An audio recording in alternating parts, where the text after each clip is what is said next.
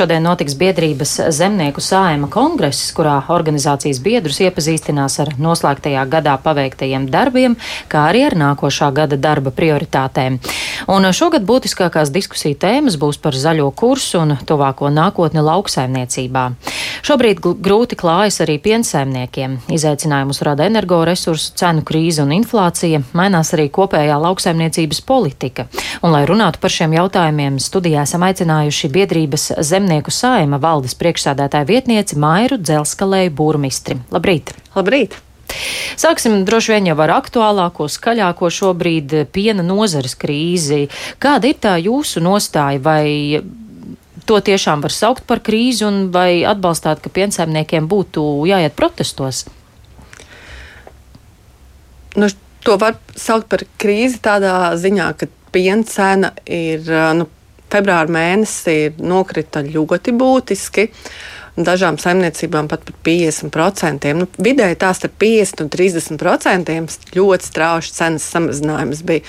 Un, protams, pie pašreizējām ražošanas izmaksām, kuras ir ļoti augstas, tas ir nu, tā piena ražošana ir zem pašizmaksas. Nu, labā ziņa ir tā, ka ar mārtu nu, šobrīd jau vakarā aizvakar pirmās cenas par mārtu tiek paziņotas. Un, jāsaka, paldies Dievam, ka ir tā cenas sāk celties. Un sāk šī līkne celties atkal uz augšu. Un, nu, tas varētu, mēs ļoti ceram, ka tas varētu nozīmēt to, ka mēs varēsim runāt par tādu īslaicīgu cenu kritumu, nevis par tiešām krīzi.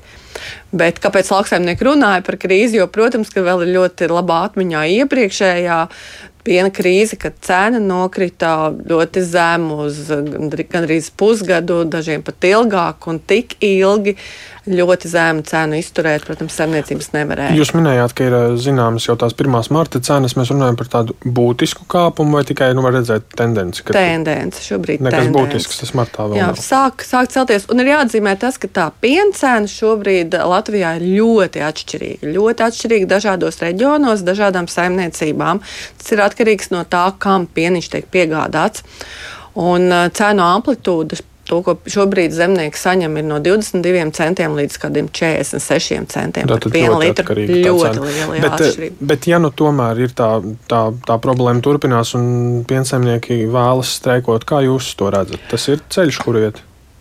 Nu, streikošana pati kā veids nepalīdz.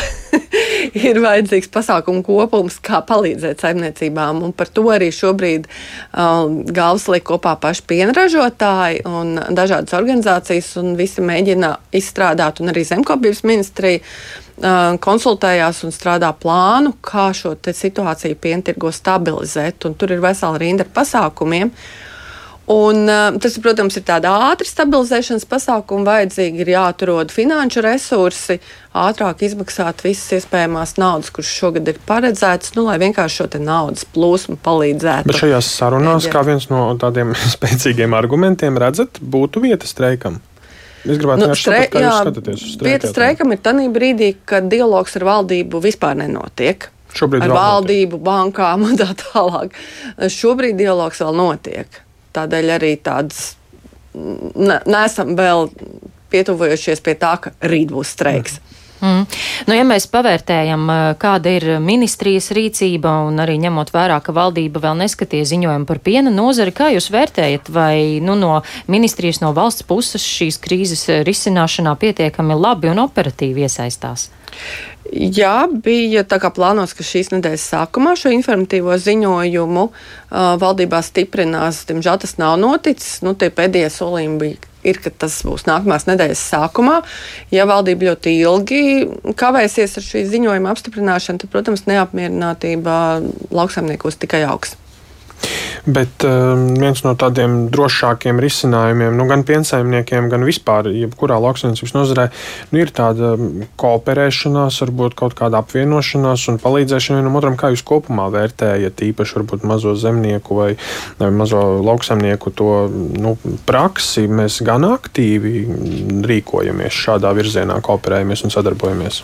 Nu, attiecībā uz pienu lopkopību nē, un arī viens no šiem punktiem arī šī informatīvajā ziņojumā ir veicināt uh, lauksaimnieku kooperēšanos. kooperatīvu, varbūt arī konsolidāciju, vienkārši apvienot šo zemnieku pienu, jo piena nozare ir gana sadrumstalota Latvijā. Tas ir arī iemesls, kāpēc mēs šīs krīzes pārdzīvojam daudz sāpīgāk nekā varbūt tas notiek citur citur.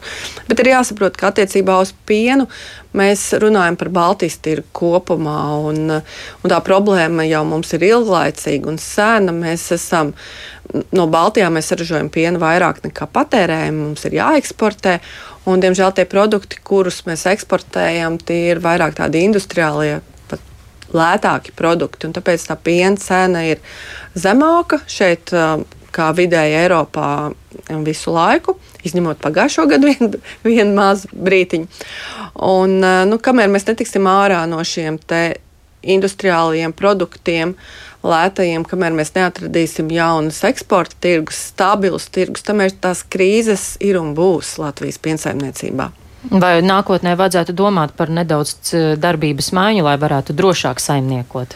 Noteikti, bet uh, Un tur ir svarīgi, lai tiešām arī zemnieki savu pienu konsolidē, lai ir lielāks spēks šajās sarunās ar pārstrādi, un lai var vairāk ietekmēt šo piena cenu, lai nav tā, ka nu, pat cik nu ir gatavs, kurš paņemt, un tad vēl notiek tirgošanās, kurš no kura ņems un pat cik maza cena. Bet par to kūtro kooperēšanos, es saprotu, jūs vairāk minējāt tieši pien, pienas nozarē, citur ir labāka situācija. Labāka situācija ir graudkopībā, kur mums ir spēcīgāki kooperatīvi un, un lielāks šo te saržģotās produkcijas daudzums ir apvienots kooperatīvos. Mm, bet pienā arī dārziņos mums ir mazāks gaļā. Mm. Noslēgumā vēl par zaļo kursu arī vēlējos vaicāt, eh, kā notiek pārorientēšanās šajā virzienā, vai lauksaimnieki veiksmīgi izmanto zaļā kursa sniegtās iespējas, vai vēl nav tās uh, apzinājuši? Nu jā, gribas jautāt, kādas ir šīs zaļā kursa iespējas. Jo, attiecībā, man liekas, zaļā kursa iespējas ļoti labi redz industrija, vai ne? Elektroautorāta vai saules paneļi, un tiem, kas tirgo šīs tehnoloģijas, tiem ir liels iespējas, jo viņu bizness, varētu teikt, ir izlabēts, vai ne? Bet attiecībā uz lauksaimniecību mēs vēl aizvien esam tādā lielā neizpratnē, kādas tad ir tās mūsu iespējas. Jo zaļais kurs ir plašs politika, kur apakšā ir dažādas politikas. Un attiecībā uz lauksaimniecību mums katra tā politika raujas savu pusi. Kas rada bažas? Uh, nu, rada bažas tas, ka mēs nesaprotam, ko no mums paģēra. Jo mums ir, jā, mums ir šie klimata mērķi, mums jāmazina emisijas, mums ir auga aizsardzības līdzekļu mazināšanas mērķi, mums ir biodaudzveidības saglabāšanas mērķi. Nu, piemēram, lai saglabātu biodaudzveidību, pļavās. Mums vajag ganību lopus. Savukārt no klimata politikas puses, kā mēs zinām, saka, lopi nav labi, jo viņi rada šos metāna gāzes, vai ne? Tas atkal nav klimatam labi. Nu, viena politika saka, samaziniet lopus, otra politika saka, jums vajag lopus. Vai līdzīgi, viena politika saka, jums, lai mazinātu emisijas, jums nevajag zemi ārt, otra politika saka, Bet jums ir jāmazina auga aizsardzības līdzekļu lietošana. Ja jūs zemi neariet, tad augi daudz vairāk slimo un arī ar nezālēm nav kā cīnīties.